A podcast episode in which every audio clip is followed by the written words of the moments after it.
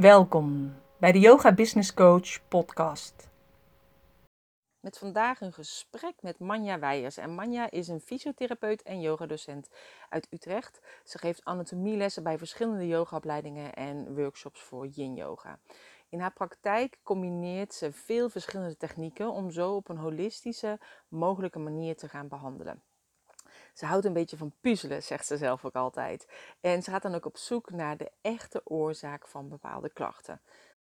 Bij haar yogalessen vindt ze het belangrijk dat de cursisten in contact komen met hun lijf en niet weggaan van eventuele spanningen, maar juist ermee gaan communiceren en zo hun lichaam beter leren kennen.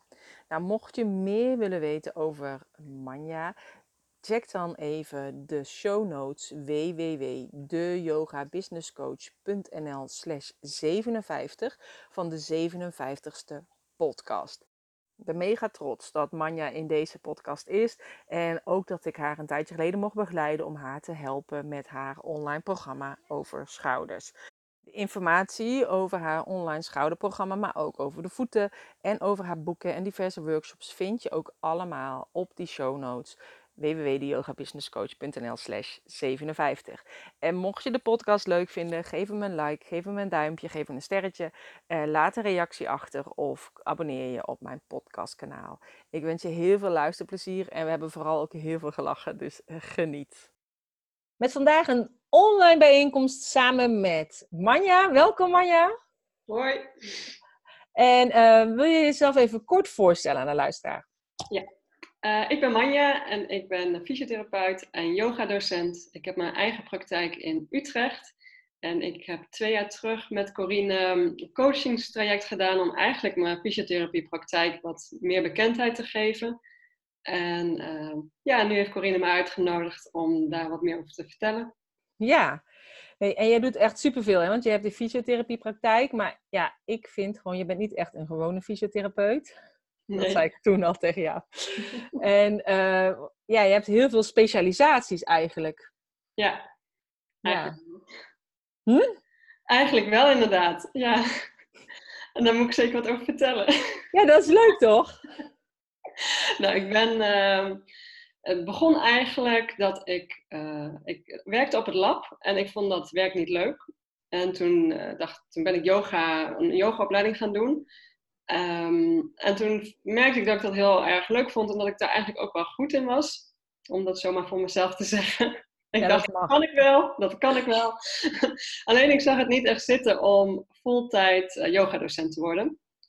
En toen bedacht ik me, ik kan mijn uh, fysiotherapieopleiding wel gaan afmaken. Die ik uh, tien jaar daarvoor was gestart, maar niet had afgemaakt. Dus dat heb ik toen gedaan. En toen ik afgestudeerd was, dacht ik, ja, nu wil ik een combinatie maken van het yoga en fysiotherapie. En, um, toen ben ik gaan zoeken hoe ik dat kon doen. En toen kwam ik uit op uh, somatics. En dat is een body-mind uh, therapievorm. Uh, misschien ken je Feldenkrais of Laban, Alexander techniek. Er zijn heel wat zo zijtakken daarvan. En ik heb daar voor de fysiotherapie een aantal cursussen in gedaan van uh, Mobilizing Awareness.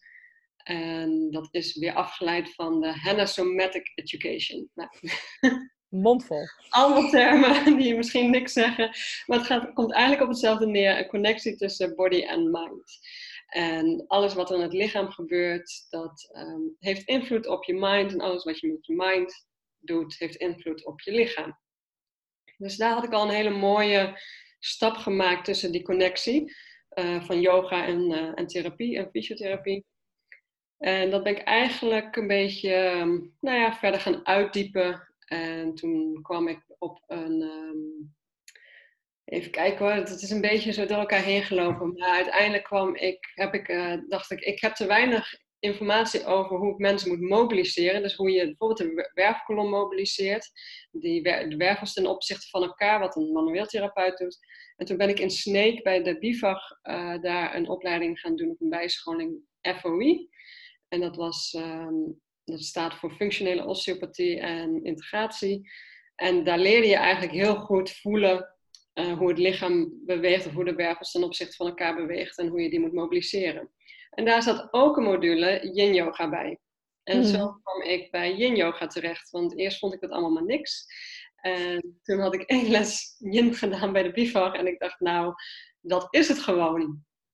Um, dus zo kon ik het ja, yin yoga heel mooi erbij. Uh, ben ik daarin gaan verdiepen en heb ik dat um, dus heel mooi ge, uh, in, mijn, in mijn werk gevlogen als het ware. En, en niet zozeer de yin, maar meer de achtergrond van yin of hoe yin bij de bivag wordt gegeven. Dat um, alles wat in het lichaam gebeurt heeft een reden en dat heeft eigenlijk heel veel aandacht nodig en liefde. En een klacht ontstaat Vaak omdat er met op een verkeerde manier naar het lichaamsdeel wordt gekeken of omdat je op een verkeerde manier in het leven staat. En dat is nou, een van de belangrijkste dingen die ik nu um, um, voor mijzelf eigenlijk gebruik bij, bij patiënten. En het is niet zozeer dat ik dat um, de eerste behandeling gelijk zeg van, oh je hebt last van je grote teen. Trouwens pas wel gedaan, maar je hebt last van je grote teen, dus je weet niet uh, welke weg je op wilt. Uh-huh. de teen geeft de verkeerde richting aan uh, of zoiets. Um, maar dat houdt dan wel in mijn achtergrond van, oké, okay, dus misschien iemand of iemand met een hernia of een burn-out, die gaan over de grenzen heen. Uh, dus dat hou ik in mijn achterhoofd oké, wat voor persoon is het en hoe, ga ik dat, uh, hoe gaan we dat aanpakken, dat die grenzen bewaakt worden en dat, uh, dat ze leert om de grenzen, um, om daar niet te overheen te gaan en hoe je dat aan het lichaam dus kunt, um, um, hoe, je naar, hoe je naar je lichaam leert luisteren. En daarnaast heb ik nog een beetje, dat was een beetje de yoga kant weer. En toen kwam ik op het pad van uh, neurokinetic therapy. En dat gaat over dat één spier te hard werkt en een ander te weinig doet. Dat is altijd mm -hmm. En dan moet je degene die te hard werkt, moet je, moet je niet sterker maken. Want die, die overwerkt, dus die moet je uh, losmaken of detoniseren. Ja. En de andere die te weinig doet, die moet je juist sterker maken. Uh, dus soms uh, werkt een massage juist averechts, omdat je spieren losmaakt die al niks doen. En die moeten juist geactiveerd worden. Uh, en daarmee heb ik eigenlijk een hele grote stap gemaakt naar het loslaten van de reguliere fysiotherapie. En heel anders naar klachten te kijken en ook heel anders naar oorzaken van klachten, lichamelijke oorzaken van klachten te kijken. Uh, en toen heb ik naar aanleiding daarvan nog iets over voeten gedaan. En uiteindelijk ben ik vorig jaar uh, over neurologie gaan leren. En PDTR heet dat. En dat is echt een wonder, wonder middel. dat, dan ga je echt op zoek naar de echte oorzaak. En wat je doet is je verandert de, de input van het lichaam, waardoor de output, en output is bewegen, beter wordt. Dus als iemand door de enkel is gegaan, dan kan het zijn dat die zenuwen daar verkeerde informatie geven naar het brein. En door die zenuwen te resetten, uh, krijgt het brein weer goede informatie en uh, beweegt je enkel weer goed. Yeah. Alleen daarvoor is uh, vertrouwen nodig van de patiënt. En uiteindelijk, ik geef wat, wat, wat prikkels en de patiënt die moet daar wat mee doen. Dus er moet een goede connectie tussen ons zijn, er moet vertrouwen zijn en er moet ontspanning zijn. En daarna moet het allemaal nog geïntegreerd worden. Dus daar gebruik ik weer oefeningen vanuit de yoga bij. En, dus eigenlijk komt alles heel mooi samen. En uh, kijk ik heel holistisch naar het, naar het lichaam. Of probeer ik dat te doen. Ja. ja, want dat vind ik wel heel erg mooi. Want toen had je dat inderdaad ook vanuit jouw fysiotherapie. Dat je zei, ik vind het altijd leuk om te puzzelen. Ja. En inderdaad ook dat toen op het lab, dat je zei, ja, dan vind ik dat leuk om dat lichaam een beetje te ontleden. Om dan te kijken, oh ja, dat vind ik helemaal niet leuk. ik vind het juist heel eng. Als ik al bloed zie, zo dan... Oh. Ja, maar bloed is dan al weg. Ja, bloed is dan al weg. Ja, dat scheelt. Maar toch. Ja, want jij doet het dus echt dus op een andere manier dan alle andere fysiotherapeuten die ik ken. Want die gaan gewoon een beetje masseren en dingetjes rechtzetten. En ja, dat is bij jou helemaal niet zo. Hè? Ik weet nog dat je... Ik ben met mijn zoon ooit bij jou geweest. Uh, dat je ging kijken naar zijn voeten, terwijl hij last had van zijn rug. Ja, dat klopt. Ik uh, kijk meestal niet naar de plek waar de klacht zit. ik kijk naar hoe het lichaam beweegt, of eigenlijk waar het niet, naar, niet, wil, niet wil bewegen. En dan vraag ik me af, oké, waarom wil het lichaam daar niet heen bewegen? En dat kan zijn door, door iets in de rug, het kan zijn iets in de heup, in de knie, in de voet. En het ligt eraan hoe dat beweegt. Um, waarom ik dan, waar ik op uitkom, of ook mijn intuïtie is het een beetje, of wat ik denk van nou, hoe iemand staat of hoe het, hoe het voelt voor die persoon. Ja. ja dus ik heel erg op zoek naar uh, in eerste instantie dus de klachtengeschiedenis. Wat is er allemaal in het leven gebeurd? Dus wat kan er, Waardoor kan het lichaam bijvoorbeeld denken, nou, ik wil mijn rug niet naar rechts bewegen. Of uh, waarom kan het uh, dat de voet heel instabiel is? Waarom, ja, waar, waarom zou dat zijn? En, dat, en als je dan terugkijkt naar de geschiedenis, zie je vaak wel dat daar iets, um, iets is. Om een voorbeeld te geven, iemand met Achillespeesklachten al heel erg lang. Al heel veel ook eraan gedaan aan die voet. En toen stuurde ze een filmpje op van hoe ze liep. En toen dacht ik, ja, het was volgens mijn linkste klacht kijken. Ja. Toen dacht ik, ja, maar rechts wil jij niet bewegen. Er is alles in jouw rechterheup wat, waar je totaal niet wilt zijn. En toen vroeg ik daarna, het was het dus in de rechterkant onderbuik, een heel groot litteken. Mm En nadat we dat litteken hadden losgemaakt, toen uh, was het goed. Ja. En ze kreeg vandaag nog een berichtje van, uh, uh, ik kan gewoon alles weer. Ik kan weer drie, ze loopt drie keer in de week en squashed en nergens last van. Ik ja. heb het niet aangeraakt. Nee, maar dat is wel bijzonder, hè? Want dat zie ik ook inderdaad heel vaak bijvoorbeeld in jouw stories voorbij komen of op uh, je tijdlijn. Dat je dus inderdaad gaat kijken of er ergens littekens zijn. Ja. ja, ja. littekens zijn voor mij heel belangrijk. Want als je, je zei net van we gaan zo naar de camping. En ja. Ik weet niet of je ook een tent gaat opzetten. Maar als je de scheerlijnen spant, wil je overal gewoon even strak staan. Als één scheerlijn heel strak staat, dan staat de tent uit zijn lood wordt uit de lood getrokken. De andere scheerlijnen komen ook helemaal op spanning. Of als één scheerlijn heel los staat, dan staat heel de tent scheef. Ja. zo is dat met littekens. Het is gewoon een scheerlijn die te strak staat. En, oh, dat is wel mooi uitgelegd. Ja, Ja, heel goed. Heb je dat zelf bedacht? Ja, die heb ik zelf bedacht. Oh, wat goed. nou, en ik heb geen scheerlijn. Ik heb een caravan, dus dat scheelt. maar we hebben wel scheerlijnen bij de tent van de kinderen. Nee, maar uh, nee, ja, wel super interessant. En uh, ja, wat ik toen ook al tegen jou zei, van jij hebt gewoon zoveel meer kennis qua anatomie, dat dat juist interessant is om over te brengen aan yogadocenten. Ja. ja, ja. dat ben ik nu ook aan het doen. Ik, uh, ja. Ja. Toen zei je nee. Maar zei ik wel, je weet echt superveel. maar nu doe je het inderdaad. Dat is hartstikke goed. En ik heb sinds, uh, eigenlijk in, ik heb het eerst allemaal zelf een beetje opgezet. Met, vond ik heel veel um, tijd en energie kost. En vond het eigenlijk ook niet zo leuk. Ik vind het dan wel heel leuk om te geven, maar al die romslomp die erbij hoort, vond ik een beetje te veel. Het kostte me eigenlijk te veel energie. Toen dacht ik weer, ik ga het helemaal niet doen. Dus in januari dacht ik, ik stop ermee. En, maar op datzelfde moment dacht ik ook, ja, misschien is het handig als ik een soort van tribe, binnen een tribe ben. dat ik niet alles alleen hoef te doen maar ik had geen idee hoe ik dat voor me moest zien. En toen gaf ik uh, de anatomie in, uh, in Snake. Dat had ik toen uh, één keer gedaan. En misschien dat we dat nog vaker gaan doen, maar we hebben nog niks nieuws gepland. En daar was ook Sandy van uh, uit Zwolle. En die vroeg of ik bij haar yogaopleiding de anatomie wilde geven.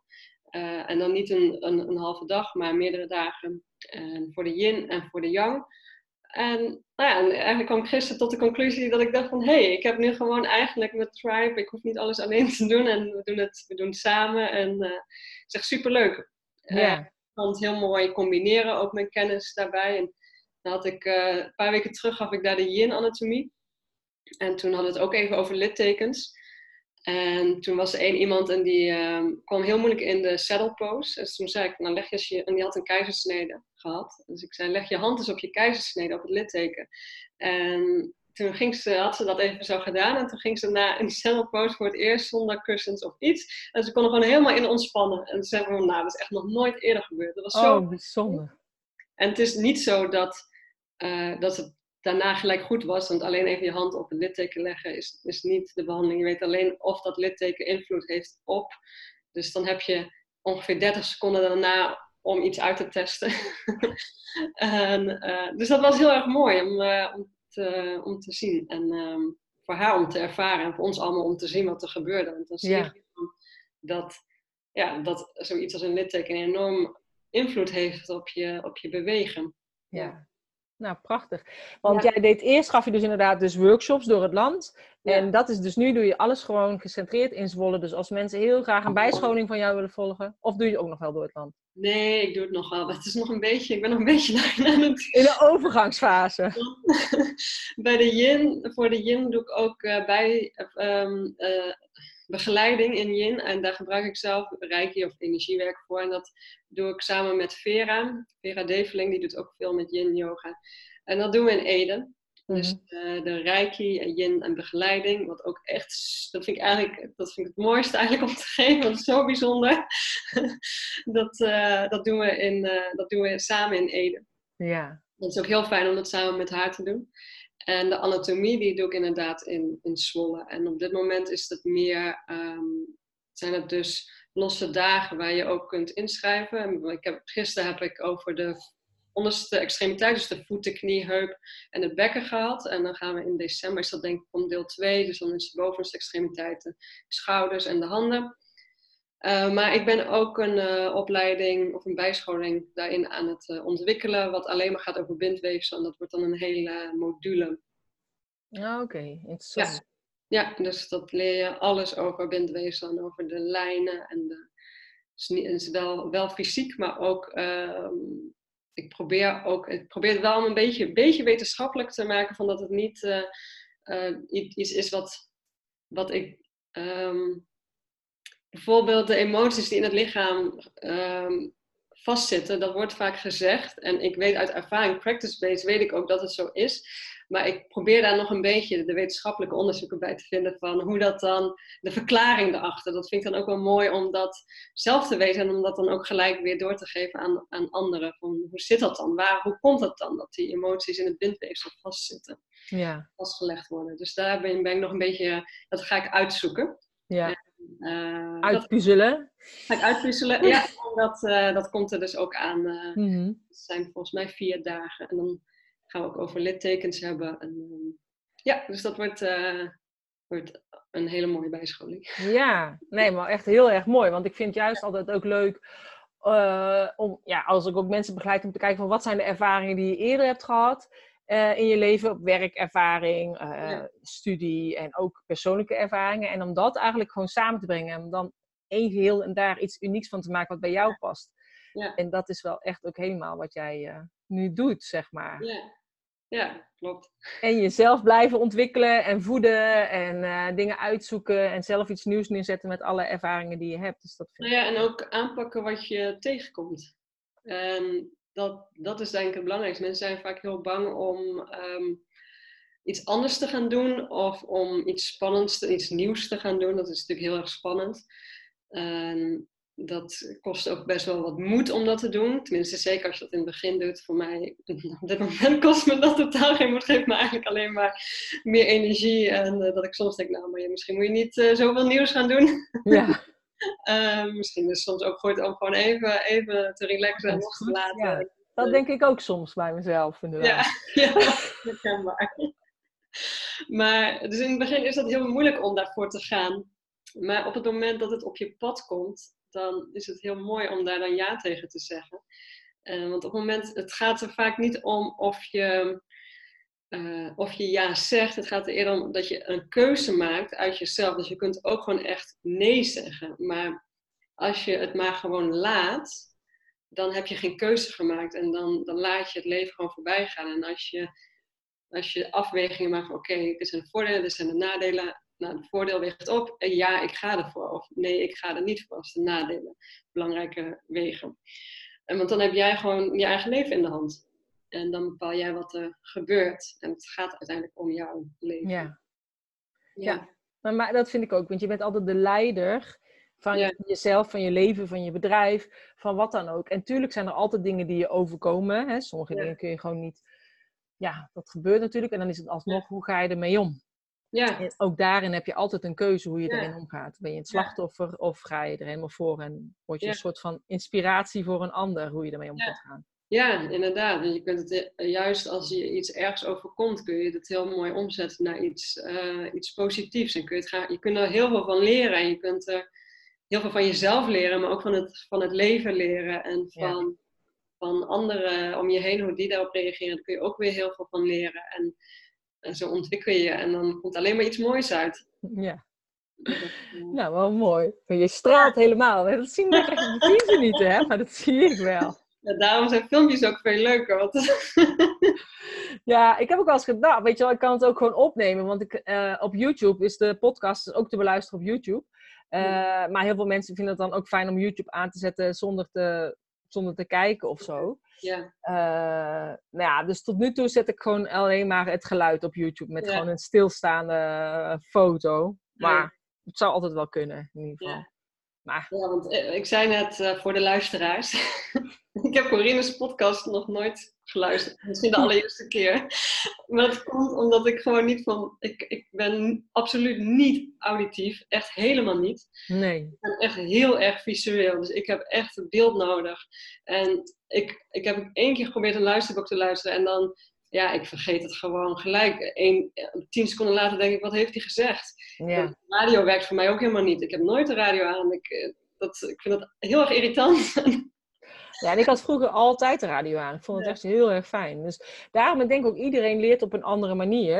Ja. Dus, uh, dus, nou ja, dus misschien voor jou dan toch beter de podcast met beeld. ja. Nou, nou, ik ga erover nadenken. Ik heb er wel eens over nagedacht hoor. Van, zal ik het doen? Dan is het misschien toch wel leuker. Maar um, ja. ja. Is dit nou zo'n interessant beeld om naar te kijken, denk ik dan? Weet ik ook niet. Maar fijn. Als jij nu uh, zelf een uh, yogamat zou zijn, hè? hoe zou jij er dan uitzien? Als ik zelf een yogamat zou zijn? Um, hoe zou ik er dan uitzien? Nou, ik denk, de, ik heb zelf een jademat. En dat, vind ik een, dat is een ecologische mat. Dat, dat vind ik een hele mooie kwaliteit.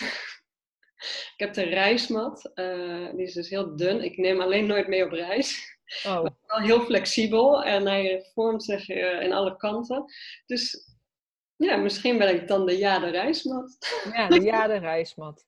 En ben je dan echt zacht? Of zit je met littekens? Of heb je je littekens oh. op de mat weggewerkt? ja, mijn, mijn mat die heeft een litteken. maar, um, ben ik... Oh, jeetje zeg. Um,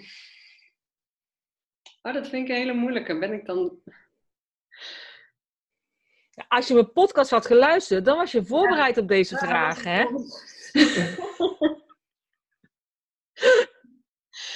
Uh, weet ik niet. Ik, natuurlijk heb ik wel wat littekens, slijt, slijtageplekken en zo. Ja, slijtageplekken op die ja. mat. Ja. Zo'n afgesleten matje. Ja, die, die heb ik wel, ja. maar toch soepel. Maar toch soepel, ja. ja. En kan overal, kan overal in mee, kan in elke tas en uh, past zich aan indien nodig vormt zich om stenen heen of om, uh, uh-huh. om, om de grassprieten. Ja. Oké, nou. Hey, en als uh, dus mensen denken, ik wil meer van jou... En ondanks de littekens nog steeds heel goed in gebruik. Oké, ja. Dat is ook een fijne. Hey, en ik maak uh, nog zeg maar een speciale pagina aan, hè, voor als mensen jou, denk ik, wel meer van jou willen weten. Um, qua fysiotherapie, qua bijscholingen en dat soort dingetjes. Dus dat ehm, ga ik dan nog wel even in orde maken. Maar stel ook nog als jij denkt, dit zou ik nog heel graag willen meegeven aan de luisteraars. Het zijn vooral yogadocenten die luisteren. Ja. Ja, uh, ga yin yoga doen. En als je in een houding zit, zoek de discomfort op. Um, wees niet te lief voor jezelf. Als in, voor mij, ik, dat moet ik even anders zeggen. Je moet wel heel lief voor jezelf zijn in de discomfort. Dus zoek de rek op, zoek de houding op die je gewoon echt niet leuk vindt. En dan ga je kijken wat er gebeurt als je daar contact mee gaat maken met hetgeen wat je dus niet, niet leuk vindt. Of hetgeen wat, uh, wat pijn doet bij je, of wat een bepaalde sensatie geeft, of een bepaalde irritatie, of een bepaalde emotie. En dan ga je het alleen maar observeren.